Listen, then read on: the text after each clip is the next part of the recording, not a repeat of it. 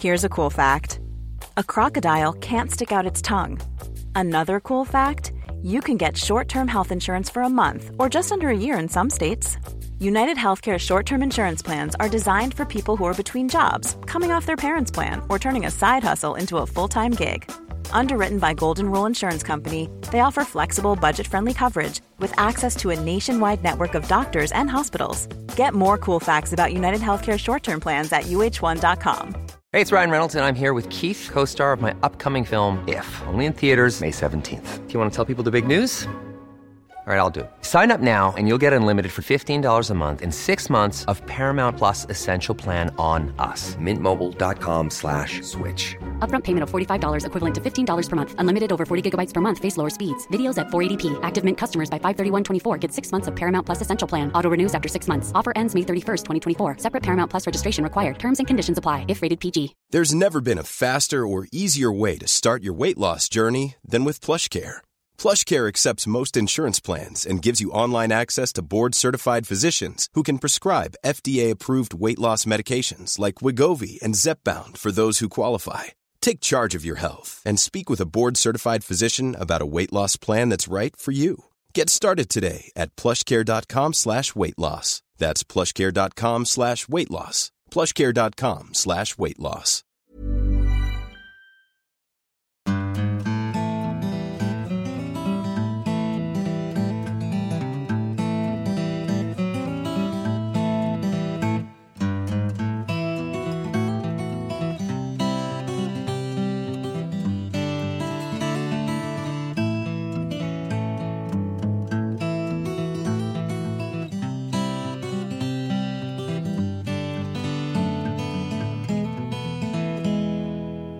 Hjertelig velkommen til en ny episode av Hall og knall-podden. Og i dag er det mandag igjen, som vanlig. Og det er en bra mandag. Er det ikke det, Kristine? Ja, det er en bra mandag. Så bra. Yes. Hva gjør den så bra? Eh, nei, altså I utgangspunktet så starta jo mandagen ikke så veldig bra. For Ah. den der Helgolandsbilen min, den Ah, eh, gikk eh, ja, caken. Caken. Ja, jeg skulle til å si ku, og så ble det caken. Ja, Keikoen. Keikoen. Hei Keikoen. Hei Keikoen. Eller gaiken. Eh, ja, gaiken var sikkert det. Ja, Først er tenkte jeg på Q-en, og så ble det ka- ja. Men det var gaiken, da. Jeg Ja. skjønner. Eh, ja, jeg har jo plagdes med den bilen nå i flere måneder. Eh, tappe og et strøm. Og i dag når jeg skulle starte den, så var den helt steindød, og han ville ikke ta imot eh, mat mer, holdt på å si. Mat. Ja, altså Diesel. strøm. Strøm, ja. Ja, så nå er batteriet helt ødelagt. ja. Hvorfor det? Fordi at det er et eller annet i bilen som driver og surrer og går hver dag, Mm. som uh, ingen vet hva er. Nei. Nei. Så da, den har jo vært på verksted hos eh, ja, altså, Jeg vil jo tro at det er fag, fagfolk, men de finner ikke ut av. Mm. Så jeg er jo spent på, De lovte de skulle hente bilen i dag, men den bilen er nå her fortsatt. Så jeg er jo spent om de henter den, og om de klarer nå å finne ut. For nå, det, er, det er jo noe. For han driver jo og suser og går uten batteri der ute nå. Går han ingenting. Ja, han bråkte noe djevelsk der i morges. Gjorde han det? Ja, ja. Det var sånn der eh, Sånn der Fra under panseret. Det er litt sprøtt, det. Når det ikke er strøm på batteriet. Det er veldig sprøtt, ja. Så jeg Mm. fatter ikke hvordan det går an. Ja, eh, det ser ut som jeg må inn til en eh, sløying hos, et, hos noen fagfolk igjen. Ja, uff. For å se om de klarer å få fiksa biffen. For De må bli fiksa, vi skal til Arnøya nå. Vi skal dit ut med masse hundre kilo eh, vom og hundemat. ja, Vi skal ha masse hunder med oss, vi skal ha masse utstyr. Mm. Ja. Vi kan ikke kjøre dit med den lille Toyotaen som du har. vi får ikke flere hundre kilo med last i den bilen, i hvert fall. Nei, det gjør vi ikke. Så eh, klokka tikker, for å si det sånn. Men det kjennes ut som den tikker fryktelig fort for øyeblikket. Ja. Så eh, for deres skyld, eller egentlig for våre skyld, så håper jeg at den bergingsbilen kommer. Det håper Eh, jeg også. ganske kjapt. Ellers må jeg bare gjøre det sjøl. Jeg har jo sånne hobbybatterier som er brukt på revevarselen. Eller Ja. revelysa. Kanskje jeg må hive den i, i så man starter og går. Altså, en quick fix her vil jo være å bare skifte batteriet. Ja. Eh, ikke en quick fix, men eh, det er i hvert fall du, som å pisse i buksa når det er kaldt. Det hjelper i hvert fall til det batteriet er tomt også. det, ja, men det hjelper nå til i løpet av helga. Ja, ikke sant? Det, er det, som er, det kan være en løsning. Mm. Kortsiktig løsning. Ja, eh, vi får håpe at eh, bilen eh, kommer til liv igjen. Yes. At, eh, at han faktisk ikke bare er å grave six feet under. Nei, eh, jeg er veldig glad i den bilen, så det håper jeg. Hadde du det bra, sa du? Eh, Ja, Så bra. jeg har det bra. Uh, why? Nei, altså, ikke noen spesiell grunn. Det blir lysere tider. Jeg, eh, jeg bråvåkna jo i morges klokka fem for at hun Fight eh, var utenfor soveromsdøra vår og vekte deg. Så ble jeg vekket deg. Og så, men det, altså, pointen var at klokka var fem, og det var lyst ute. Ja. Det var kjempelyst. Nå går det framover. Nå går det framover. Nå er det jo faen meg Det er jo over halve døgnet er lyst. Og hvor det er deilig. Altså, det er gledelig. Om, eh, ja, om en måned så er det faktisk eh, skytelys hele døgnet. Ja, stemmer. Det går fort. Det går veldig fort. Og det, det, jeg kjenner på meg at den tida framover nå, den kommer til å gå eh, Altså, den kommer til å rase av gårde. Det gjør Fram til lenge etter påske. Midten av eh, april. Da tror jeg vi kan begynne å liksom puste ut. Ja. For nå kommer det til å gå slag i slag. Det kommer til å gå slag i slag. Ja. Jaktprøve til helga. NM neste helg. Påske. Trøndelag. Trøndelag. Midten av april. Ja. Det blir pang-pang. Uff. Men det er jo bra. Ja. Da blir det fiskesesong fortere. Det er sant. Så det er aldri så galt at ikke det er Nei, godt for noe. Bare, vi må bare ikke glemme å nyte på veien, liksom. Ja. Eh, du, eh, vi hadde jo besøk på, um, på reveåta vår her en kveld. Ja, herregud. um, Eh, hva det var for en kveld? Var det fotballkamp, eller hva det var for noe vi holdt nei, på med? eh, det var på det torsdagskvelden noe vi så på eh, Kompani Lauritz, eller hva det var. Ja. Men det peip nå i revevarselen. Klokka var halv elleve. Jeg, sprett, altså, jeg er jo innstilt på det. Med en gang det piper, så bare spretter jeg opp og så inn på soverommet. Og der var jo reven. Og jeg så han var jo litt sånn, litt sånn rastløs og gikk rundt der og kjekk om det var noen pellets. Så jeg kommer inn og sier til at reven er her, eh, kom med, for og hentet rifla til deg og ga den liksom ut. Nei, da kunne jo ikke du gå ut da, sånn som du liksom var Sånn som jeg var, sånn som jeg var. Ja, oppkledd. Ja, det var, Eller avkledd, alt etter. du hadde truse, og så hadde du T-skjorte, og så hadde du bukse på deg. Eh, jeg, Det var liksom nok. jeg hadde ikke sokker, jeg hadde en tynn Ja, jeg hadde T-skjorte på. Ja. Og det var vel en eh, Fem minus var ute. åtte-ti minus. Nei, det var fem minus ute. Nei, Det var ti minus. Det var 100 ikke. sikker på at det var nærmere 10. 15 minus. Nei, Nærmere det 15 var det minus. Det var kaldt. Nei, men det var var veldig rå luft, var det i hvert fall. Ja, ja, ja, ja. Men i hvert fall så sto du der som en tulling eh, med rifle i handa, og du sprang rundt som en jojo. Leita, du, ikke du fant jo ingen klær. Det endte jo til slutt etter Det hadde sikkert gått en fire-fem minutter. Ja, ikke fire, tre-fire minutter, kanskje. Ja, fire minutter i hvert fall. Ja, og- ok, tre og et halvt, da. Ja, ja noe greit, da. Eh, så kommer du, da fant du morgenkåpa di, liksom. Ja, det var den jeg eh, traff når jeg stakk handa inn romdøra. Ja, ja. Eh, og da så, jeg tenkte jo enda, herregud, jeg hadde jo vært ferdig der for lenge siden. Eh, Altså hva du med reven hadde vært skutt, liksom? Ja, ja, hvis, altså, jeg hadde i hvert fall vært ute, ute fra huset. Jeg Ja, hadde sånn. ut bare i, i sokkelass, eller uten sokker, da. Ja. Jeg hadde ikke brydd meg i fem minus. Nei. For det er liksom, du skal ut på trappa, så går du en meter, og så sikter du, liksom. Ja, og så Grunnen til at jeg for og lette etter noe å ta på føttene mine, og noe å ha over meg, Ja. eh, det er jo så enkelt som at eh, friskt i minnet så har jeg eh, et minne av at når jeg satt der ute sist, i 15 minus, nærmere 20 minus, Ja. eh, så ble jeg sittende der. Jeg satt der i 20, 30, 35, 40, bortimot tre kvarter. Det gjorde du ikke. Jeg satt der ganske lenge, altså ikke langt unna en time satt jeg der. Eh, og hadde jeg da blitt sittende uten eh, sokker på meg og vente på at den reven skulle komme ut av skogen, ja, hva hadde skjedd da? Da hadde jeg pådratt meg eh, dobbeltsidig forfrysning på føttene. Jeg hadde antagelig fått lungebetennelse. Ørene hadde frosset, fingrene hadde blitt eh, frossen. Altså, jeg hadde ikke kunnet gjort det jeg hadde planlagt å gjøre Du, resten av hvis, du skal, hvis du hadde fått forfrysning av å sitte en meter utenfor um, døra vår Det er veldig stor forskjell fra temperaturforskjell fra rett på yttersida av døra til rett på innersida av men døra. hør nå her. Hvis du hadde fått forfrysning av å sitte en meter utafor en ulåst dør, eh, da hadde det blitt helt forferd. For jeg tenker jo at uh, hvis du sitter hvis, altså Når du begynner å fryse, så du bare gå inn igjen. Ja, men hvis reven, ja, men hvis reven står i utkanten, at ikke jeg ser han i lyset, han står bare der og liksom hmm, venter på Han hørte en ulyd, jeg trekker meg litt tilbake, litt forsiktig. Så sitter han og venter på Ok, jeg skal gå og spise videre. Ja, nei, da er det bare å gå inn, og så venter du til han kommer tilbake igjen. Tenker nå jeg, da. ja, ja. Men Men, nei, det var bare det, var det at vi, vi hadde antagelig forskjellig måte å tenke på. Forskjellig framtidsscenario i den situasjonen der. Ja, for mitt eh, framtidsscenario, det var jo at den reven For jeg så jo reven. Han virka litt sånn her um, Ja, rastløs, og så vet du at det er paring nå. Eh, de er ikke så kine, og liksom eh, Det har vært veldig lite revetrafikk på den åta her nå de siste to ukene. Eh, så jeg tenkte at reven han er bare innom, og han kommer til å fære noe snart. Og det gjorde han jo. Når du kommer ut dit, så fær jo reven. Ja. Ja. Så jeg, jeg tror ikke du nådde å se han når du kommer ut. Nei, jeg var borte. Nei, da var han borte, ja. Stemmer. Så, men det var jo litt artig, da. At uh, alt det styret der. Det var litt hektisk. Ja, det var altså helt kaos. Jeg jeg kan tenke meg at det er sånn kvinnfolk har det når de skal fære noen plass. Ja. Gjøre et eller annet. Så er det ufattelig mange ting som man må bare gjøre. Man må bare huske på å sjekke. Ja. Sånn tror jeg. Jeg tror jeg hadde det sånn. Ja, men nå ser det ut som at mannfolk også kan være sånn, da. Ja, ja. Ja, det, men det artigste det er jo at yttergangen ligger jo full av klær der. Og så klarer du til slutt etter fire-fem minutter å finne morgenkåpa. Ja, men jeg kan jo ikke ta dunjakka, for den bråker jo. Så jeg må jo ha noe som er lydløst, og det var det som var problemet her. Jeg, jeg, jeg skulle jo egentlig bare drage på meg en tjukk ullgenser, men det fant jeg jo ikke. Nei. Og jeg fant jo ingenting annet som kunne brukes heller, for det var, jeg vet ikke hvor det var blitt av. I vask, kanskje. Så det eneste som jeg endte opp med, det var slåbroken, rett og slett. Ja, ja, ja men uh, luckily for uh, The Fox, han mm. slapp unna og Ja. ja. kan fortsette paringsgeleien sin. Han kan fortsette med det han liker best. Ja.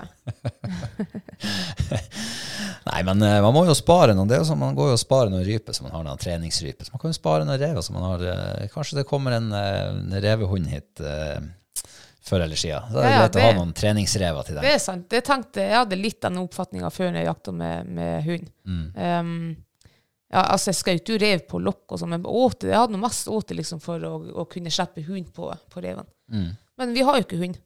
Nei, ikke ennå. Men, Men, uh, plutselig kommer det jo. det er sant. Men uh, vi har jo fått lånt oss en hund i helga. Oh yeah. Det er jo en eh, gammel kjenning. Det det. Altså uh, hund. Ja, ja. Hun, eh, jeg hentet henne for eh, ja, snart åtte år siden. Så hadde hun vel omkring ti måneder. Og så ga hun bort. Mm. Eh, Vil du kalle henne for noe annet enn hun? Beckett heter hun. Beckett, ja. Ja. Og deg- navnet for- har hun for- enda beholdt etter jeg ga henne bort. ja.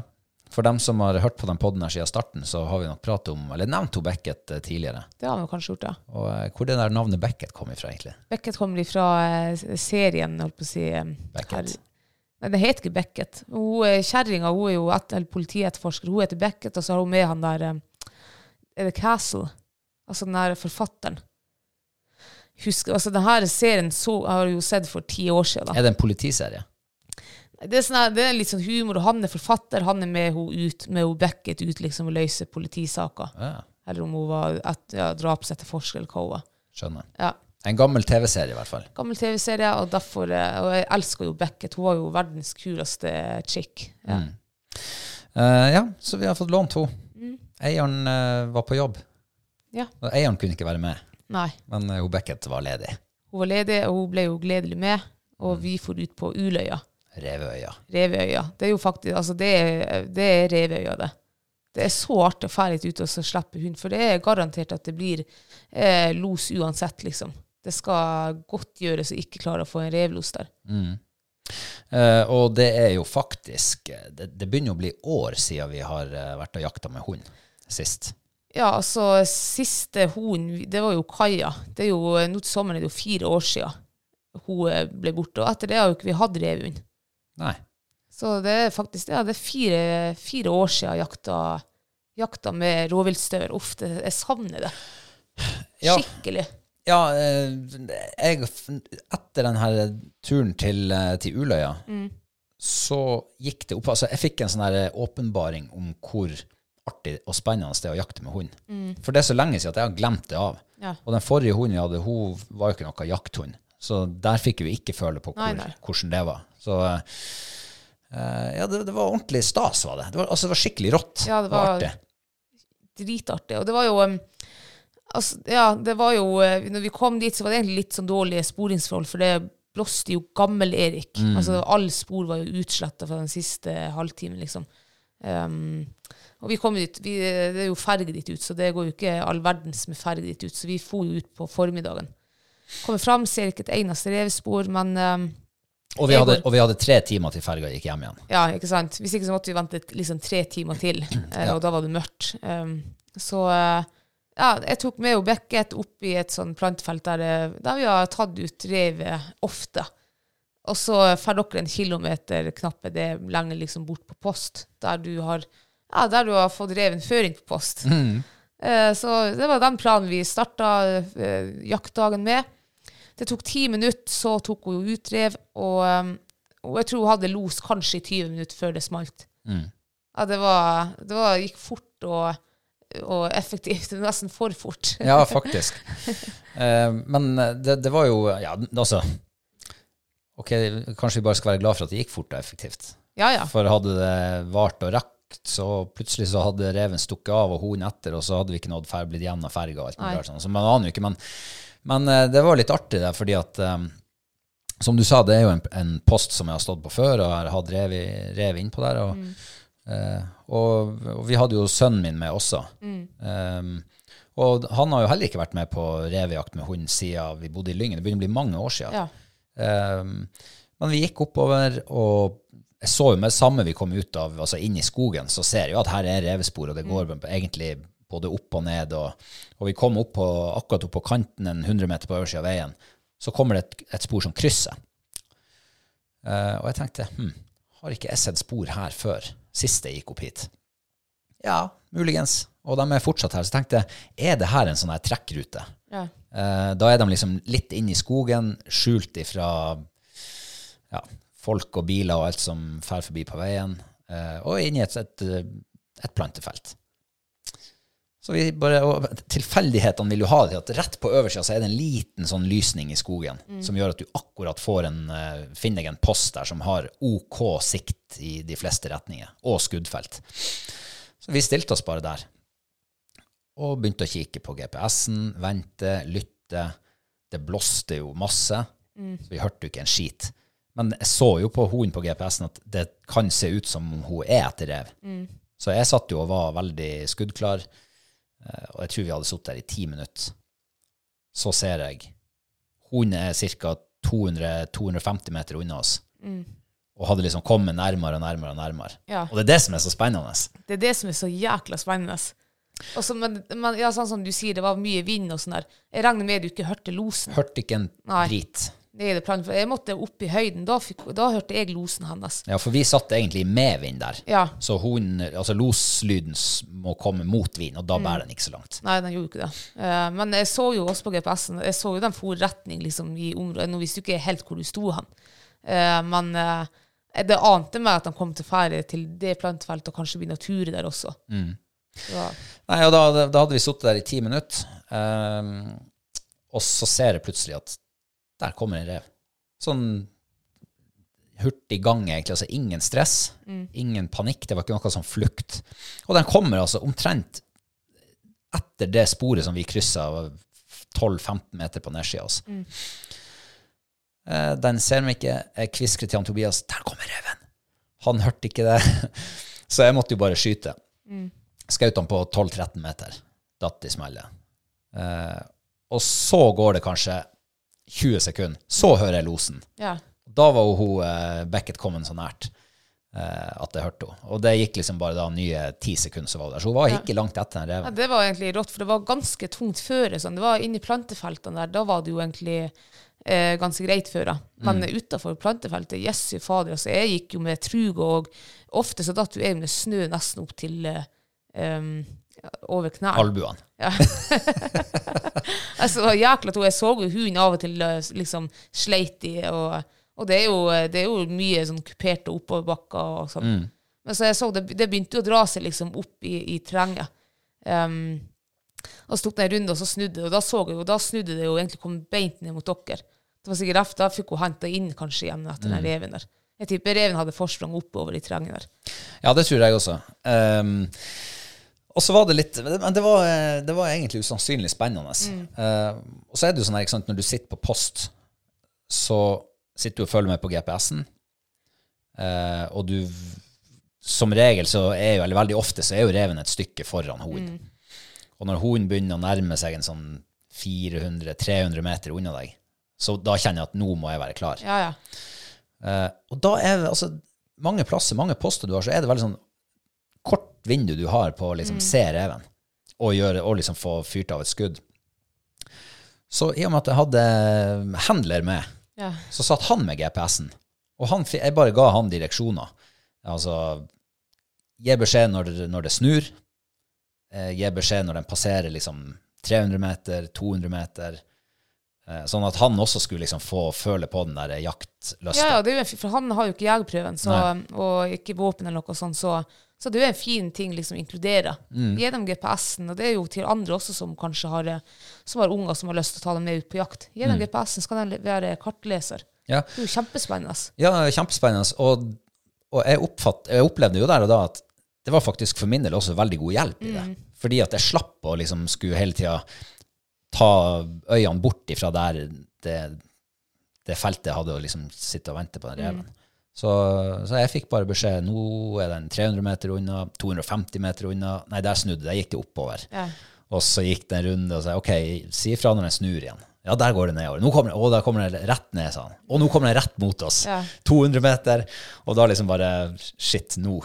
Ja, nå, da må man spisse både ører og øyne. og- Og du hører jo ikke reven, ikke sant? Nei, Den ikke kommer så her forhold. lydløst. Ja, det gjør den.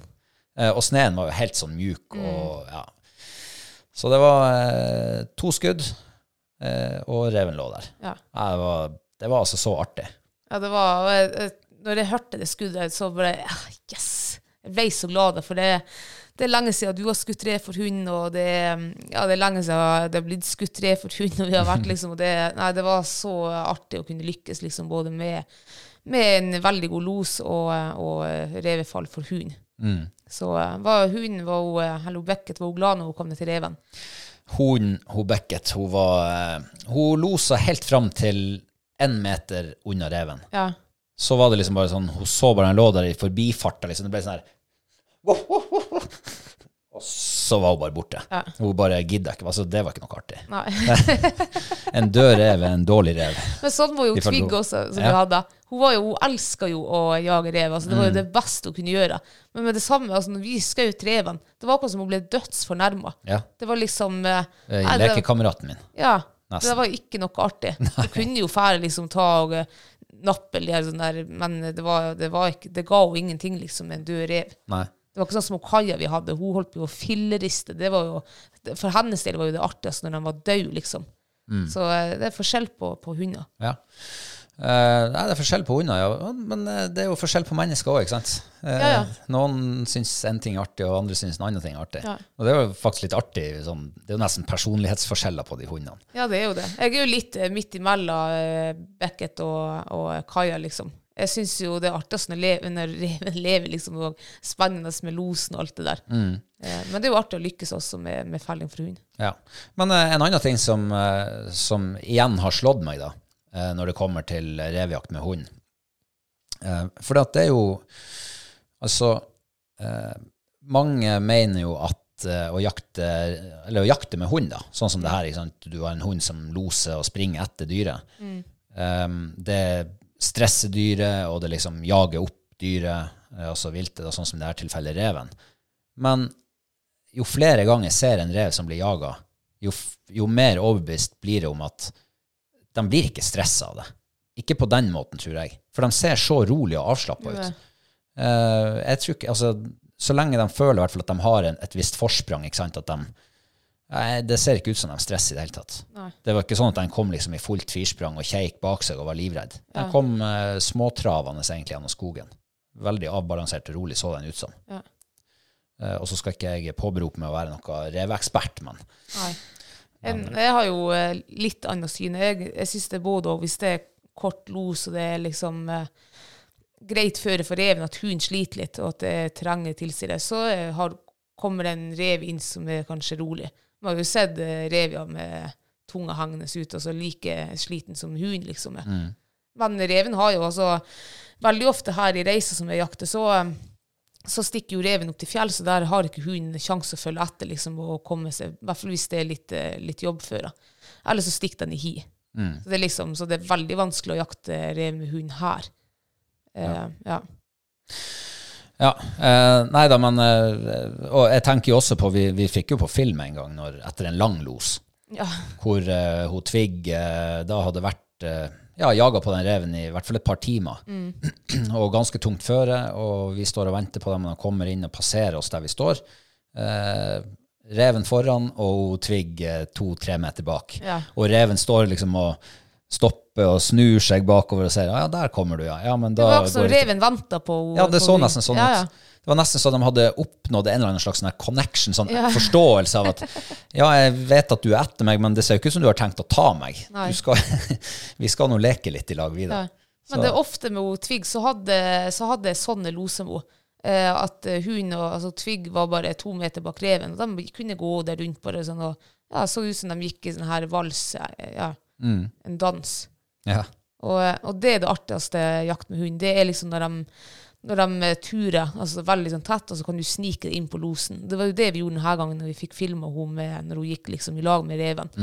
Um, ja, det er så artig. For altså, Du begynner å lære deg også liksom hvordan, altså hvordan de går. Så hver gang de liksom går ifra, så kan du snike deg inn, og så stoppe og vente, og så snike inn. Og sånn der. Og så ofte så ser du jo reven mange, mange ganger før du liksom klarer å komme på, på haglehold. Det, er- det så spennende. Herregud, jeg savner å jakte. Altså ha min egen revehund. Farsken også. Ja, ikke sant? deg. Og det er jo ikke bare det at selve jakta er artig i seg sjøl. men det er jo av og til så er det ikke fjellvær, f.eks. Det er 15-20 minus, det kan blåse, det kan sne, fyke sant, på fjellet. Eh, og da er det jo ikke noe særlig å dra fuglehundene med til fjells og trene, eller å jakte. Eh, men det å liksom kunne ha, um, ha muligheten da til å ta, ta støvelen med deg og ut og lete rev, ned i lavlandet hvor det er kanskje roligere vær og i det hele tatt, det er jo fantastisk. Da har du liksom eh, Ja, du blir ikke Du må ikke gå på mårjakt, da. Nei, nei.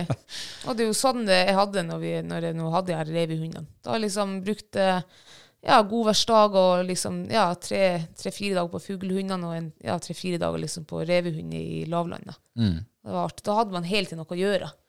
Ja, det var Uff, savner jeg. Savner. Eh, jeg tror bare vi må, eh, vi må gjøre alvor av å bare liksom finne en god, eh, en god kvalp nå. Ja. Det må, men det er vanskelig, for det, det er jo Treen Walker Coonhound jeg har lyst på. For det, det, ja, det er kun det som har vært her i huset, som har vært brukende til, til rovviltjakt. Mm. Eh, så det er, ja. det er vanskelig. Det er mulig vi må reise til eh, Amerika eller Canada eller noe og hente den. Ja. Ja. Why not? det blir en veldig dyr kvalp, da. Ja, det gjør jo det, men Men uh, kanskje det er verdt det. kanskje det er verdt det. Eller kanskje det finnes noe nærmere. Kanskje. Ja. Um, jeg skal legge opp et sånt Finn-søk, tror jeg. Jeg har finnsøk. Jeg hadde noe i ett og et halvt år. Oh, ja. Så jeg får varsel der når det kommer kull. Hvor ofte kommer det varsel fra det søket? det er veldig sjeldent. Jeg tror jeg hadde en gang noe på, eh, etter jul, og så ja, kanskje tre-fire ganger liksom på for, forleden år. Men er den rasen større i Sverige? Er det et større marked der?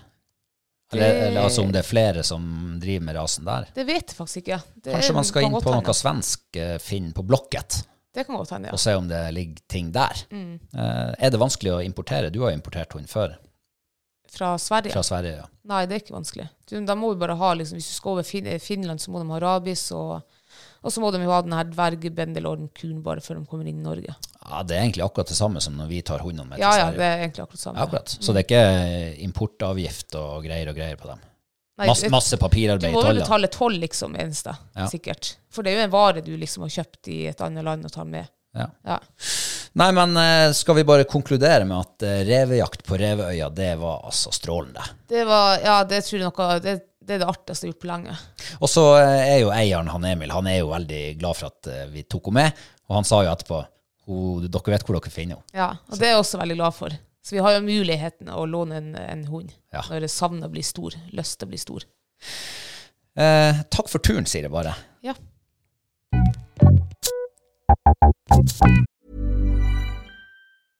Ready to pop the question? The jewelers at BlueNile.com have got sparkle down to a science with beautiful lab grown diamonds worthy of your most brilliant moments. Their lab grown diamonds are independently graded and guaranteed identical to natural diamonds, and they're ready to ship to your door. Go to BlueNile.com and use promo code LISTEN to get $50 off your purchase of $500 or more. That's code LISTEN at BlueNile.com for $50 off. BlueNile.com code LISTEN. Ever catch yourself eating the same flavorless dinner three days in a row?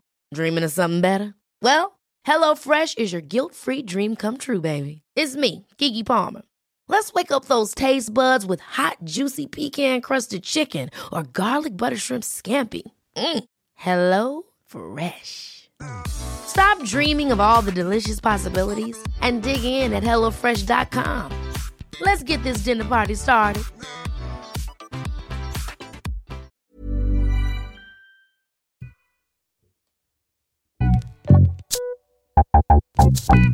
Ja, Kristine. Nå eh, er det jo altså første uka i 71 grader nord-team etter at eh, første lag røyk ut. Stemmer. Eh, Jeg har opplevelsen at det er en litt annerledes eh, uke som vi har vært vitne til nå. Det er sant. Det er liksom Det er ikke det hardkjøra. Det er mer nå, for nå, skal, nå er det litt sånne her fordeler inntil, inntil liksom siste runden i semifinalen. Um, så vi har jo vært på, holdt på å si, skattejakt. Ja. nesten. Vi har vært og skulle hente kobber til presten. Eh, så at den svenske kolonoian, eller hva farsken det heter, ikke skulle, ja, ikke skulle robbe Røros helt for kobber. Det var liksom Røros sin verdi, det der. Røros sitt gull. Ja, det var vel det. Eh, det her er jo Var det 300 år gammelt? Eh, var det ikke det? Det vet ikke jeg. Jeg, lurer var jeg tror vi var 300 år tilbake eller noe. Um, og ja, det var, vet hva, det var så artig. Vi satt og ventet liksom til eh, lyset skulle eh, altså, dempes, og så var det liksom og først hesteslede over fjellet liksom, eh, og nedover mot Røros, og så gå liksom siste biten og, i mørtene der, og så og så var vi liksom i denne leken at det kan jo være svensker overalt. Så den der gåturen liksom inn til Røros by, den ble jo ekstra spennende. Ja, Var det spennende i virkeligheten? Ja, det var dritspennende. i virkeligheten. Det var ikke bare sånn skuespill for galleriet på TV, liksom? Nei, nei. Men jeg, jeg så i begynnelsen, så, så eh, Jeg var jo litt Jeg var jo ikke helt eh, Jeg visste jo ikke hva, som- hva som kom. Var det eh, fem svensker vi skulle se oss for, eller var det 100? Vi visste jo ikke, så du var ikke helt inni det før du liksom kom ned til byen. Men der krydde det altså av dem. Altså, det var, det var patruljer overalt. Det var en ja, seks, syv, åtte, ni stykker i hver patrulje. Jeg vet, Det måtte ha vært 100 av dem. Det var så mange. Um, og det er jo helst, altså, de her svenskene, de var jo ikke svenske, sikkert, ja, kanskje noen, men de var leid inn, liksom, jeg tror det var en teaterskole eller noe som var leid inn til den der natta der. Ja. Um, og eh, det, jeg trodde jo ikke det bodde folk i Røros, men det gjør jo tydeligvis det. Eh, Ja. men eh, de var liksom de hadde fått beskjed om det var i avisen eller noe, at det skulle være TV-innspilling der, om de kunne ja, spille på lag, slå av lysene, la det se forlatt ut. Og, oh, ja. Så vi så, ikke, vi så ikke en eneste kjeft liksom, i gaten der, annet enn de her um, hjelperne som hadde det kobberet som vi skulle, skulle finne og levere til presten. Mm. Ellers var det helt, byen var helt død. Det var ikke et menneske å se. Kanskje det Det ikke er så ulikt sånn som det er til vanlig i Røros. Nei, altså Jeg forsto jo at det var Vi var jo eh, kjørende forbi der med bil på dagen, og da var det jo, ja, det var jo folk i alle kanter og bauger. Ja. Ja, det var sprøtt. ja. Det var, det var dritartig. Det tror jeg noe av det artigste jeg har gjort der inne på 71. Men eh, dere, var jo, eh, dere var jo inne i en gruve også. Ja, Eh, hvordan var det? jeg grua meg litt. Jeg visste, jeg har ikke klaus, det har jeg ikke, men eh, jeg, liker, jeg er ikke så glad i tunneler. og sånn. Jeg ser jo når jeg kjører bil, og så, så vil jeg bare fortest igjennom. Og, sånn. Eh, og så skulle jeg liksom gå, vi skulle gå 50 meter ned der, så jeg kjente at det var veldig tungt å puste. Oh, ja. Så jeg var veldig glad når vi kom dit ned og vi skulle bare hente informasjon. Jeg så jo for meg at vi skulle være mange timer der nede, og så skulle det bli trangere og trangere og trangere. Så det, ja, det er veldig glad for at det ikke Du slapp unna grottevandring. Ja, uff, heldigvis, for det hadde jeg i så fall grua meg veldig til. Eh, lærte dere noe om eh, Røros og Røros sin historie, eller var det, ti, var det tid til sånt? Ja, vi lærte jo noe, men eh, nå eh, noe så lenge siden nå har jeg glemt det. Nei, men det, det er jo flere grotter i Røros. Det var vel kobber de uthenta mesteparten, da. Så det var vel deres eh, penger, sikkert. Ja. Ja. Um, ja, og så har vi, så vi jo i siste episode at dere, eh, dere fikk dere en gjest. Ja. Og dere var jo på kjente trakter, så det ut som òg. Det var vi, ja. Eh, jeg begynner å kjenne, Vi får jo aldri vite hvor vi skal hen. Vi bare slår liksom inn, Når vi kjører bil, så slår vi bare inn eh, gatenummer, liksom. Eh, eh, så ser jeg at vi begynner å nærme oss Storlidalen. Tenkte hæ? Her har vi vært for eh, to-tre år siden. Ja. Vi var jo på jaktprøve der. Mm. Um, Da var det vinter. da var det vinter. altså det var litt sånn, Jeg kjente meg ikke helt igjen. Det var jo plutselig en elv der og et vann og, som vi ikke hadde sett under all den snøen når vi var der, og isen. Uh, det var så eh, trivelig å liksom kjøre opp gjennom den dalen der. og Vi passerte jo uh, den gården som vi bodde på. Mm. Um, Het ikke den Stoli gård, eller noe sånt? jeg tror det er Stolegård, ja. Ja. Og det som jeg Vi, var- vi, vi kunne jo hente ut eh, råvarer liksom banke på hos folk, og sånt, men det visste jeg ikke før etter vi hadde passert dem. Så fikk eh, vi mulighet, altså, Da sa de at ja, du kunne jo bare banka på og så hilse på dem og spurte om de hadde en, en geitpølse eller et eller annet og liksom Ja. gi bort så vi kan Takka for sist, da. Ja, ja. Ja. Farsken, altså, at jeg visste det før, så hadde jeg jo stoppa der Ja. og hilst på dem. Det er ikke så dumt å bare være litt sånn spiss i albuene av og til og bare ta seg litt til rette. Ja, nei, For det er jo lettere å få tilgivelse enn å få tillatelse. Ja, det er jo, jeg prøvde meg jo på Joken liksom, å skulle prute på ting, men da fikk jeg beskjed om at det var ikke lov. Så bare, ok. Så, um, men jeg så jo de andre, de, fikk, de pruta jo. De andre, ja, det, det andre laget. Så de eh, hadde tydeligvis eh, ja. Men uh, dere fikk altså med dere en gjest. ja. Uh, han er Kane. Kane. Kane. Ja. En uh, TikTok-kokk. ja, stemmer det. Ja. Jeg hadde jo ikke peiling på hva man var når vi kom dit. Men Johanne hun dro jo kjensel på han, for hun hadde drevet og sett på det der. Eh, Jeg har jo sett på han i ettertid. Veldig artig eh, TikTok-kokk. Mm. han har blant annet tilberedt morkake og spist. Ja, Er det seriøst det? det er helt seriøst. Det er morkake fra et menneske. Uh. Så um, Salt og pepper på ja, stekte ja, panner. var, ja, uff. Tror du det var ukas mathøydepunkt for han? Det tror jeg vel ikke. Nei, men eh, jeg tenker jo at det må jo være litt eh, spesielt å liksom plutselig få en, en, en, tre, en tredje person på laget, når dere har gått eh, to i lag såpass lenge. Og det har liksom Ja, dere har vært bare et fast gjeng hele tida, og så plutselig kommer det en, et nytt menneske inn. Hvordan var det? Det var kjempedeilig å få liksom frisk pust. Ja. Det var det. Og så var jo det her var jo ikke noe sånn konkurranse over fjellet, så, så det, var, det var ikke om å gjøre å drepe den personen liksom, og skulle gå fortest mulig. Så vi kunne bare gå sånn hyggetur og, og bli kjent og prate. Og, Nei, det var, var skikkelig trivelig, var det. Og så kunne vi ikke fått med en bedre person enn Kane. Ja. Han var liksom eh, prikken over i-en på, på, i turlaget vårt. ja, det ser ut som han kom med litt positiv energi. Ja, ja, ja. Ja. Det var jo Nei, det var artig. Men eh, du sier det å bli kjent. Jeg regner med at uh, en ting er jo når man går i marka og, og småprater og sånn, men det er jo først når man slår camp og liksom eh, kommer seg inn i teltet, det er jo da det virkelig de gode samtalene kommer fram, kanskje. Ja, ja. Og det ble det jo etter Når vi nå til slutt fikk opp de teltene der. Vi kommer altså opp på høyfjellet, og der møter altså den, en vegg som vi ikke har sett, den bare er der. Og det er hølje, det pissregner, det blåste liksom vannrett, og det var, altså, været ble helt jævlig. Det var skikkelig ekstremvær. Um, og det har jo vært ute i en, altså, vært ute en vinterdag før, liksom. Um, så var det jo å få opp de her teltene. Skitutstyr. Å, Altså, fy farsken, altså. Jeg hadde så lyst. altså når den der, eh, Det teltet vi hadde, det var todelt. Så den ene delen var jo myggnetting, som du skulle legge stengen på, og det måtte du slå opp før du kunne ta liksom, den ytterduken. Og det tok jo sin tid der å få opp eh, det teltet i de her stormkastene. stormkastene. Så det var en par ganger jeg eh, det så ut som dere sleit litt der, ja. ja, jeg sleit. Johanne måtte jo hjelpe han Kane å slå hans telt opp, så jeg måtte slå jeg og Johannes sitt telt opp alene der. Um, og jeg hadde bra lyst til å slippe det teltet en par ganger med vin, og bare drite i det og gå ned til bilen igjen. Jeg var så forbanna. Å ja. Fikk det opp, Uh, ja, fikk duken over og kommer inn i teltet. Selvfølgelig så var jo hele teltet var jo fylt med vann. Så var det begynt å tørke der inne, og jeg ble jo surere og surere. Oi, oi, oi. oi. Og Johanne hun begynner å komme med sånn pep-talk til meg om at herregud, Kristin, du vet hva vi har sagt ja til å være med på, og, du, du vet jo at det, det kan være all slags vær og bla, bla. Ja, for det hjelper der og da. ja, så selvfølgelig vet jeg det selv, men jeg har faen ikke sagt ja til å, å ta med drittutstyr på tur. Altså Når jeg skal ut på ekstremtur, liksom, så skal jeg faen meg ha turutstyr som funker. Ja. Ja, for hun lurte på om ja, du og Robert, da, når, når, eh, er dere ikke ute hvis det er litt dårlig vær? Jo, selvfølgelig er vi det, men vi har jo godt utstyr. Vi har jo ordentlig utstyr. Som er vanntett. Som er vanntett, ja. Så det ble noe Jeg måtte bare få fyr. Altså, det gikk jo bare ti minutter, så var jo jeg, så var jo det over, da. Så når vannet var ute av teltet, så var alt i orden. Da var alt i orden, ja, og da eh, kunne vi invitere han Kane inn til teltet vårt. Så jeg vet ikke, Han trodde jo sikkert at hun der ene søstera der, hun må jo være gallsint. Og han tenkte vel sikkert det var kjempeutrivelig å skulle være på tur med oss, eller med meg. Ja. Eh, nei da, men det var, det var koselig, da. Så vi inviterte han inn og laga mat til han, og vi hadde gode, gode dype samtaler og ble, ja, ble godt kjent egentlig den kvelden. Ja. Mm. ja, altså det skal ikke så mye til når man eh, ikke har så mye annet å ta seg til.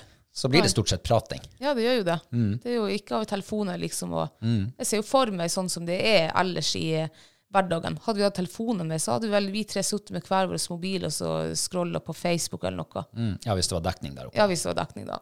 Og hvis ikke, så hadde dere sittet og spilt eh, sjakk mot Magnus Carlsen. Sikkert noe sånt, ja.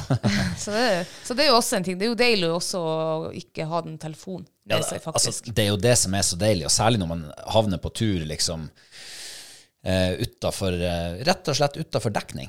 ja. For eh, har du dekning, så faller man jo ofte, i hvert fall del av tida, inn i skjermverden. ja, man gjør jo det. Og, når du, og, så, og så er det faktisk bedre å ikke ha dekning enn å ha dårlig dekning. Ja, det er sant. Når du har dårlig dekning, så sitter du og irriterer deg. du ender mer tid på den skjermen? Ja, ikke sant?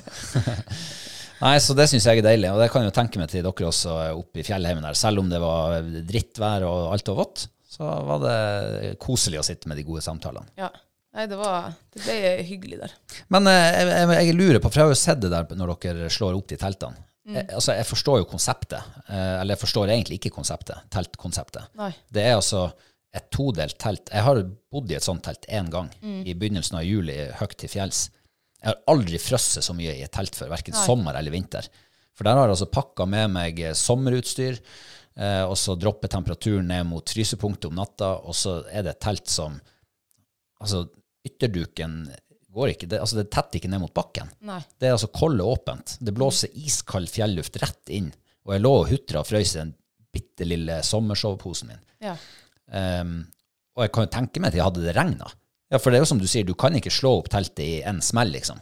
Nei, det tar tid, for du må nødt til å slå opp den her eh, innerduken først, i, i stengen, liksom. Ja, ja. Og så skjønner jeg ikke Altså, teltkonstruksjon. Det er så mye stenger på kryss og tvers. Ja, ja, det er jo når du står der, liksom Du skal stå i mørkna og i dårlig vær og kalde fingre og alt mulig og skal slå. Det, altså, det er jo å be om problemer. Ja, ja, ja. Et tunneltelt hadde jo vært så mye enklere, Ja, så jeg, mye vet, det. jeg skjønner heller ikke hvorfor de, hva de teltene der er med på tur, liksom. For der er vi jo ute i all slags vær. Mm. Der er ikke vi hjemme og kan planlegge turen og ferdig i fint vær, liksom. Der er vi ute, og da skal, er det drittvær, da må du bare slå opp til teltet der, da. Jeg, kan, eh, jeg innbiller meg at det er teltet er sånn du har med deg eh, der det kun er ordentlig varmt og godvær. Ja, det tror jeg passer mye bedre til det. Litt det sånn Spania-telt. Ja. Det er i hvert fall ikke noe allround-telt. Det er kun godværstelt. Utelukkende godværstelt. Du tar ikke det med på isfiske? Ikke farsken. Skal jeg, jeg skal aldri kjøpe det huset der. Jeg husker nå i var det fjor sommer vi var litt nysgjerrige på de teltene, for vi så det var flere som hadde det her med sånn her hvit duk og Ja. Men eh, nei. Det er nysgjerrigheten min er forsvunnet. Jeg skal aldri, skal aldri kjøpe sånn her telt. Ok. Men eh, jeg vil jo si da, eh, for jeg sitter jo og ser på det her fra et seerperspektiv. Eh, selvfølgelig typen til hun ene som er med. Ja.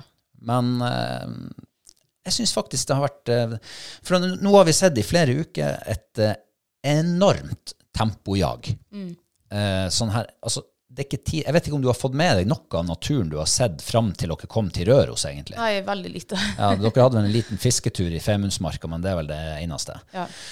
Eh, så, og fra mitt perspektiv nå, som ser, så var det faktisk deilig at jeg også nesten Jeg føler liksom at jeg har sluppet skuldrene litt ned i lag med dere. Ja. Når konkurranse, de her to siste episodene hvor konkurransen har Det har ikke vært konkurranse på den måten. Eh, ikke det tidsjaget, i hvert fall. Nei. Og det har faktisk vært litt deilig. Jeg kjenner at åh, det var litt deilig med et lite avbrekk. Så eh, der har de gjort en god jobb i, i produksjonen, syns jeg. ja. Det var jo deilig for oss også, liksom, som var med i det her. At vi fikk det liten sånn avbrekk. Ja, ikke sant? Ja. Det kan jeg tenke meg. Positur og andre inntrykk. Ja. Nei, men det blir jo eh, veldig spennende å se hvordan det går videre. Ja. Du kan jo selvfølgelig ikke røpe noe, men Jeg kan, ikke, jeg kan røpe at på torsdag så skal vi lage mat. Da blir det matkonkurranse. ja. Mm. ja. Du har jo laga kokebok, du, så kanskje du har sjanse å vinne. Ja, der var vi jo tre kokker på ett lag. Ja, se der. Lykke til videre, sier de bare. Takk. Du, eh, vi har jo bedt om eh, spørsmål, innspill osv., Ja. eh, og vi har fått det. Vi har et spørsmål ifra, um, ifra ho Laila. Ja. som um, lurer på om ikke vi kan diskutere litt um, trening av fuglehund mot jaktprøve. Mot jaktprøve, ja. Ja, Ja. altså det, Jeg forstår på henne liksom, oppkjøringa til jaktprøvesesongen. Er dere nøye med å slippe dem 15 minutter av gangen og ta lange pauser, eller kan dere ta mer frihet og gå lengre perioder og mer jakt kontra jaktprøve? Altså. Um, ja, Hun sier kanskje dere har pratet en del om det før, og det kan jo godt hende. Eh, men hun har ikke fått hørt alle episodene ennå. Så sånn at eh, hun skal slippe å gjøre det. Så kan hun i hvert fall få litt sånn våre tanker rundt det. Ja. Oppkjøring til jaktprøve. Ja. Eh, i, altså sånn eh, I utgangspunktet så er det jakthunder jeg tenker hvis at eh, våre hunder skal trenes opp til. da. Men nå har vi jo tre hunder, så det blir jo naturlig at vi veksler med dem. Og her oppe i nord, her er det jo eh, to timer lyst liksom på vinteren før oppkjøring av vinterprøver. For på høsten så stiller ikke på jaktprøve, da er vi mest ute og jakter. Så det blir jo egentlig naturlig. Da, da får de liksom 20 ja, 20-30 minutter slipptid hver, som oftest. Og det er jo det som er i en, en eh, jaktprøve. Av og til kan du gå et kvarter per slipp, eller er 20 minutter, eller 30 minutter. Um, skal du trene opp til jaktprøver, da tenker jeg jo at uh, ja, kanskje man kan trene en hund til å, å liksom gi alt i eh, 20 minutter. På en annen måte tenker jeg også det er ulempe hvis det er utelukkende uh, Hvis du kun skal trene det sånn. La oss si en ung hund, da. Du trener han 20 minutter ut i slipp, og så skal han ha pause i en time. For å liksom, Mm. Uh, Sånn som det ville vært på en jaktprøve. Sånn som det ville vært på en jaktprøve. ja. Da tenker jeg den hunden han kommer jo ikke til å klare å holde en hel jaktdag. For han kommer til å kjøres jo. Han går på liksom maks da, fra du slipper han for at han vet nå skal han prestere. Og så går han på maks og maks kanskje etter eh, to timer, så ser du at hunden begynner å bli sliten. Kanskje etter fire timer, og så, det, så har han brent alt kruttet, liksom. Så um, jeg trener ikke sånn eh, bevisst på de her eh, minuttene. Eh, det gjør jeg ikke. Det er ikke, som, det er ikke som en fotballspiller som har 90 minutter i kroppen, liksom. Nei, nei, nei. På, for på høsten så jakter de. Da tar vi dem bare inn og vi ser at de begynner kanskje å bli litt slitne, at de får gå og hvile og sånn. Og det kan være alt fra en halvtime til en og en halv time, liksom. Men på vinteren så blir det mer naturlig når vi har flere hunder, og liksom at alle hundene får gått liksom når det er så lite lyst. Så vi, vi altså, ja, mot vinterprøven så får de jo gjerne en 20 minutt slipptid av hver um, når vi er ute og trener. Det, ikke at det liksom har eh, Det er ikke sånn at de står med stoppeklokka. Nei, det er det ikke. Og så er det jo litt eh, På unghunder så prøver de jo ikke bare å ha sånn her et kvarter. Da er det mer sånn at eh, så lenge den jakter, så får den lov å jakte. Når den ikke vil jakte lenger, ja, så huker du den inn. Når du ser den begynner å bli sliten eller blir ukonsentrert, begynner å leke og herje og styre, så bruker vi bare å ta den inn. Eh, ja. Og så er det jo eh, Jeg, jeg har jo også trua på at eh, jo bedre form hunden er i sånn generelt, mm. jo bedre er det også på jaktprøve. Ja. Eh, og det vet man jo med oss sjøl. Hvis vi begynner å bli sliten i kroppen, så blir også hodet mindre fokusert. Mm.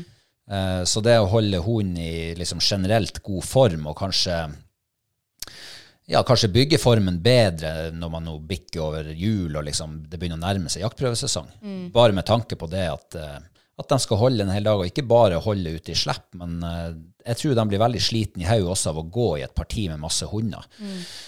For det er jo noe helt annet enn når du går, eh, går på jakt med bare hunder. Du kjenner det er tre hunder, det er to førere, ikke sant. Og, Ja, ja, Så det helt blir et helt annet miljø. Ja, ja. Så jeg tror at hvis de, jo bedre form de er i, i generelt sett, så, så takler de det også bedre. At de da er kanskje litt mer fokusert og litt mer skjerpa når de da endelig skal ut i slipp igjen runde to etter eh, ja, tre, fi, tre timer etter forrige slippet deres. Så um, jeg kjenner jo på min egen del at eh, ja, egentlig fra desember og utover så er mye, det er mye lettere for meg. Så jeg er mer motivert sjøl for å ta hundene med ut på bare på fysisk trening. Mm. Snørekjøre eh, med spark eller med ski. Ja. Eh, og gi dem en, eh, ja, en 20-30-35 minutter med, med fysisk trening, rett og slett. Mm. det tror jeg man har igjen for eh, også når det kommer til jaktprøve. Ja, ja, altså, hvis en, altså en, en erfaren hund, han trenger jo egentlig ikke å fære ut liksom, og, og trene på jaktprøve. Trene på å jakte. Det er bare å holde seg i form for å finne fugl og alt det der. Det har de jo lært seg fra de var unge. Mm. unge av. Men jeg ser jo eh, Altså, man har jo alltid liksom et eller annet man kan jobbe med med hundene. Eh, og sånn som det vi har snakket om nå i det siste, så for min del og Reborn sin del, så er det jo eh, reisen som jeg er nødt til å være mer fokusert på når, når vi er på jaktprøve. Eh, og det har jo jeg litt mer i bakhodet, eller prøver i hvert fall å ha det litt mer i bakhodet når vi er ute på trening. Eh, altså litt sånn train, train as you fight, på en måte. Eh, så ja, så det er, jo, det er jo like mye trening for min del, og oppkjøring for min del, som det er for hunden sin del. For det er klart, når du, når du stiller på noen få jaktprøver på en eh, vårsesong, vintersesong, så er det, det er bra mange måneder til neste gang du liksom skal inn i denne jaktprøvemodusen sjøl også. Så jeg tror at, eh, i hvert fall for min del, som ikke har et helt liv med jaktprøveerfaring, så er det vel så viktig å liksom trene meg inn i jaktprøvemodus. Ja. For det er noe annet å gå på jaktprøve, og du får litt ekstra press, og det er andre meget gode hunder. ikke sant? Ja, ja, altså du går jo der med, med pulsen i, i spenn, holdt på å si, nervene i spenn. Eh, de der, altså det kvarteret eller 20 minuttene du trør ut av. Og det som også er, det er jo at eh, det er veldig vanskelig òg. Jeg har jo bestandig tenkt at faen, jeg skal ha et halvt øye med makker hele tida, så at jeg kan være en mentor for min hund, liksom, og hvis den hunden for at Hvis du har en hund som eh, revierer naturlig eller uansett, da, og så skal han på tur dit bort som en hund allerede har vært. Ja, det er jo ikke noe hensikt med å sende din hund dit. Selvfølgelig, det kan jo sitte ei rype der som er forbigått, men i VK i hvert fall, så er jeg veldig interessert i å sende, ha hunden min i nytt terreng så ofte som vi bare klarer. Eh, Så da er det å holde et halvt øye med makker. Ja, og det er jo noe man kan trene på når man er ute sjøl. Ja, ja. Eh, å trene og ha hunder i samslepp og, og liksom og, ja, rett og slett være fokusert på det man vet kommer til å bli viktig på en jaktprøve. ja. Eh, så ja. Uh, ja, og så, og så tenker jeg også at uh, hvis du skal trene en, en hund fra ung, altså, ja, ungstadiet av da, og skal springe i et kvarter på maks, da tenker jeg også, da er du faen med, jeg tror du kan være større sjanser å liksom ale opp en springer og ikke en jeger. Og da har jeg sett noen på jaktprøve, det er hunder der som, eh, altså de springer jo fortere enn lynet liksom. Eh, de, eh, det kommer hunder som har mye mindre tempo enn dem, men som jakter, altså mer sånn jaktlig tempo, som finner fugl som de har sprunget forbi. Så det er kanskje også ulempen hvis du skal utelukkende trene til de her ett kvarterene og skal få en sånn sprinter. Ehm, ja, det liker jeg ikke. ja, det du egentlig snakker om nå, er å lære hun, eller at hun skal få erfaring med å disponere kreftene sine. Eh, Ja, ja, Fordi at når du er på en, ja, en vanlig jaktdag, så skal jo hunden vare hele dagen. Da skal, og, det, og det lærer en hund også veldig altså, tidlig. At mm. shit, hvis jeg eh, bruker all kruttet nå, så er jeg jo, eh, er jo søkksliten. Jeg klarer jo ikke å prestere liksom, de siste, siste halve dagen. Og det tror jeg hun, i hvert fall de her hundene har nå lært det ganske kjapt. At eh, du ser jo det liksom fra ja, på tidlig på høsten når du slipper dem. Første dagen så kan det jo være at de, de har brukt litt for mye eh, krutt. Men da ser du, da justerer de seg utover. Ja. Det gjør de jo. Ja, det er faktisk veldig artig å se også, faktisk. Mm. og det, det som du sier, det kan være en, en eh, erfaren jakthund, men første jaktdagen på høsten så er det mye som bobler. Er Mye, som adrenalin bobler. og Ja, ja. energi og mye jakt. Det er også. både i to og tobeint også. Ja, ikke sant? Eh, så, men, men det der er jo faktisk erfaring. Og, ja. Men det vi egentlig sier nå, da, som eh, nå er det jo her veldig basert på våre erfaringer, Mm. eller egentlig dine erfaringer, det er jo at eh, klarer du å lage deg en god jakthund, så er sjansen veldig stor for at det også blir en god jaktprøvehund. Ja, ja, så en god jeger er en god jaktprøvehund. Ja. Ja. For det er jo det man skal teste. Det er jo det man Men det kan være liksom en god jaktprøvehund. Eh, hvert fall sånn, det er ikke sikkert den er en god jeger, for han klarer kanskje ikke å holde ut en, en tre dager på rad. liksom, eller, ja. Eh, og så tror jeg man, hvis man utelukkende eh, trener på det her, som jeg har sagt i et kvarter, så får du, kan du fort få en sånn her springer, istedenfor en som faktisk eh, ja, har et jaktlig tempo og, og jakter. Eh, all right. Og siden du nå nevner eh, trening av kvalp, liksom få en kvalp til å bli jakthund, så kan vi jo eh, bare nevne at vi har jo to episoder som er som, To Patreon-episoder som ble laga for en par år siden, eh, om akkurat det temaet. Liksom, hvordan man kan Der tenke. er vi vel innom også jaktprøve, hvordan du trener opp, eller hvordan vi gjør det. det kan pinadø godt hende. Jeg lurer kanskje på det. Ja. Nei, men eh, Laila, vi får håpe at du uh, har fått uh, noen innspill, i hvert fall, som du kan gjøre som du vil med. Ja, du kan velge å ta det til deg. eller så kan du velge å uh, la det forbigå, eller bli inspirert av det. Ja. Det er mange veier til rom. Da skal vi over på noe helt annet, og det er ukas mathøydepunkt. Ja. Er det Ja, hvor, eh, er det vanskelig denne uka? Eh, nei, det er det ikke. Eh, vi, ja, vi har faktisk eh, vi har spist mye varierende, både fisk og vilt og kjøtt og ja. Eh, men eh, jeg var på butikken her forrige uka, var i ferskvaredisken. Der hadde de altså fersk oppdrettslaks. Gud, det er god laks, altså. Ja, det er kjempelaks. Og det er så god smak. Og i hvert fall jeg tok noe med med noen stykker, og dem lagde vi, eh, ja, lagde vi middag av. Med en veldig, veldig veldig god rislingsaus. Ja. Gud, altså, det var godt. Det må være, ja, det var ukas mathøydepunkt. Jeg er helt enig. Det er mitt mathøydepunkt. òg. jeg tror vel vi ga terningkast fem alle rundt bordet. Mm, Eh, ja. Det ble vel gitt terningkast seks òg, kanskje. Ja, det var det kanskje. Ja.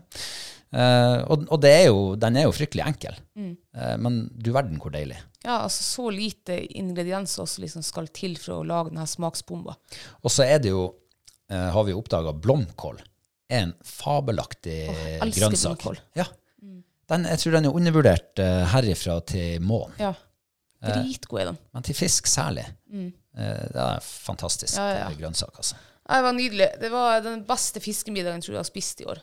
Og så vil jeg bare skyte inn at hvis du bruker Hvis du har et eller annet du skal bruke eh, blomkål til, så hvis, hvis de der um, bladene, liksom, de der stilkbladene, Ja. som ligger, den kransen som ligger i, i rota av selve kålen, hvis de er friske og fresh og crispy, knekk dem av, eh, riv bort det der eh, grønne, sånn at det bare er hvite igjen. Og så lager du deg en god dipp, og så dipper du den der. Det tror jeg må være vanvittig godt. Og så kan du skjære opp litt gulrøtter og litt eh, stangselleri og andre grønnsaker du har. Paprika, brokkoli. Ta det du har. Dipp det. Mye bedre enn potetgull og dipp. Ja, ja. Mye sunnere også. Mye sunnere. Eh, nei, men tenk, det er bra lenge siden vi har hatt samme mathøydepunkt, tror jeg. Ja, det er faktisk det. Men den var veldig god. Den var kjempegod. Og jeg kan si at det var bedre med oppdrettslaks enn med innlandsørret. Ja. Du, da har vi eh, kommet til um, Vi har en patron vi skal eh, ønske velkommen. Ja.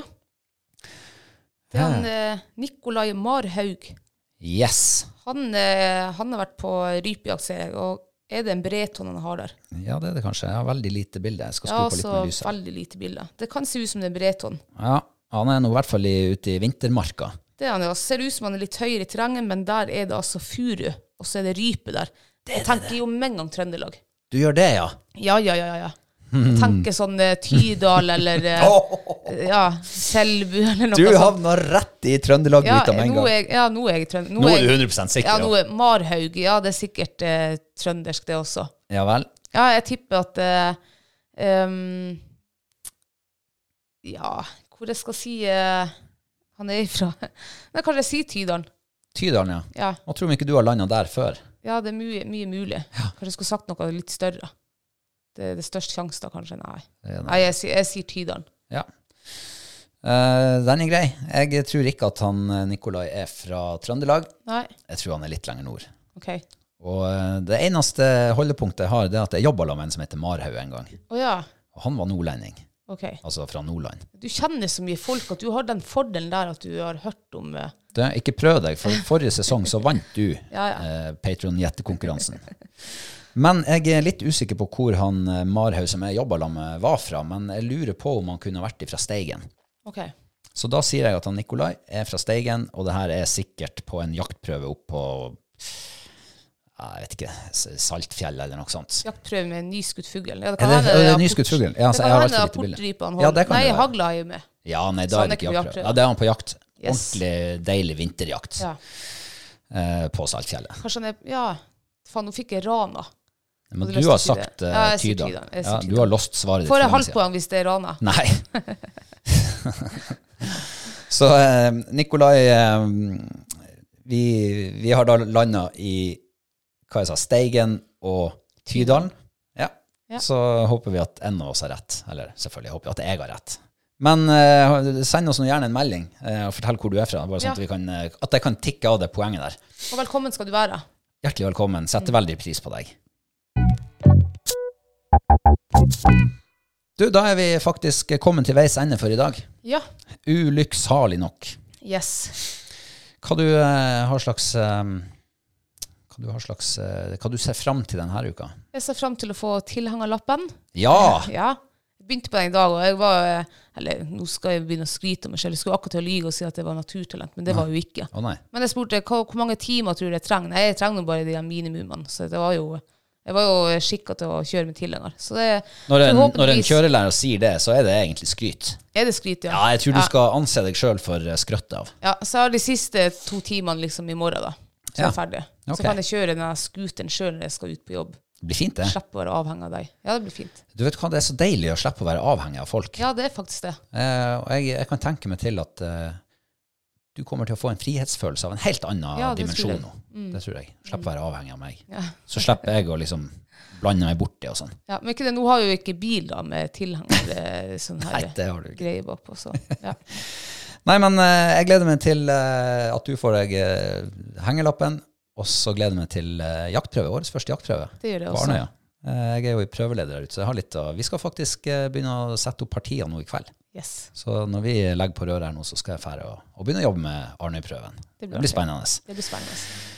Eh, husk å følge oss i sosiale medier. Eh, vi er faktisk bikke 1000 følgere på Instagram hvert øyeblikk. Oi. Jeg tror det mangler en fire-fem stykker. Så skynd dere inn, trykk følg, og så klarer vi å komme over den der første kneika. Ja. Takk for at du har hørt på, og takk for at du var med, Kristine, i dag også. ja eh, ditto. Og så høres vi på mandag om en uke. Det gjør vi. Ha det bra!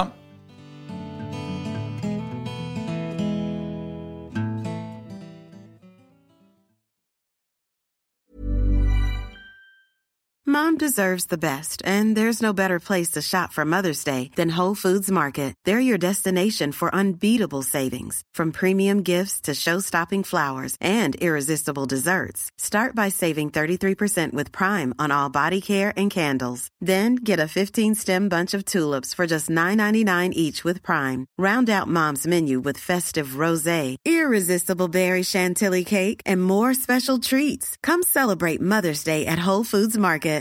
Hi, I'm Daniel, founder of Pretty Litter. Cats and cat owners deserve better than any old fashioned litter. That's why I teamed up with scientists and veterinarians to create Pretty Litter. Its innovative crystal formula has superior odor control and weighs up to 80% less than clay litter. Pretty Litter even monitors health by changing colors to help detect early signs of potential illness. It's the world's smartest kitty litter. Go to prettylitter.com and use code ACAST for 20% off your first order and a free cat toy. Terms and conditions apply. See site for details. Ever catch yourself eating the same flavorless dinner three days in a row? Dreaming of something better? Well, HelloFresh is your guilt-free dream come true, baby. It's me, Kiki Palmer. Let's wake up those taste buds with hot, juicy pecan-crusted chicken or garlic butter shrimp scampi. Mm. Hello Fresh. Stop dreaming of all the delicious possibilities and dig in at HelloFresh.com. Let's get this dinner party started.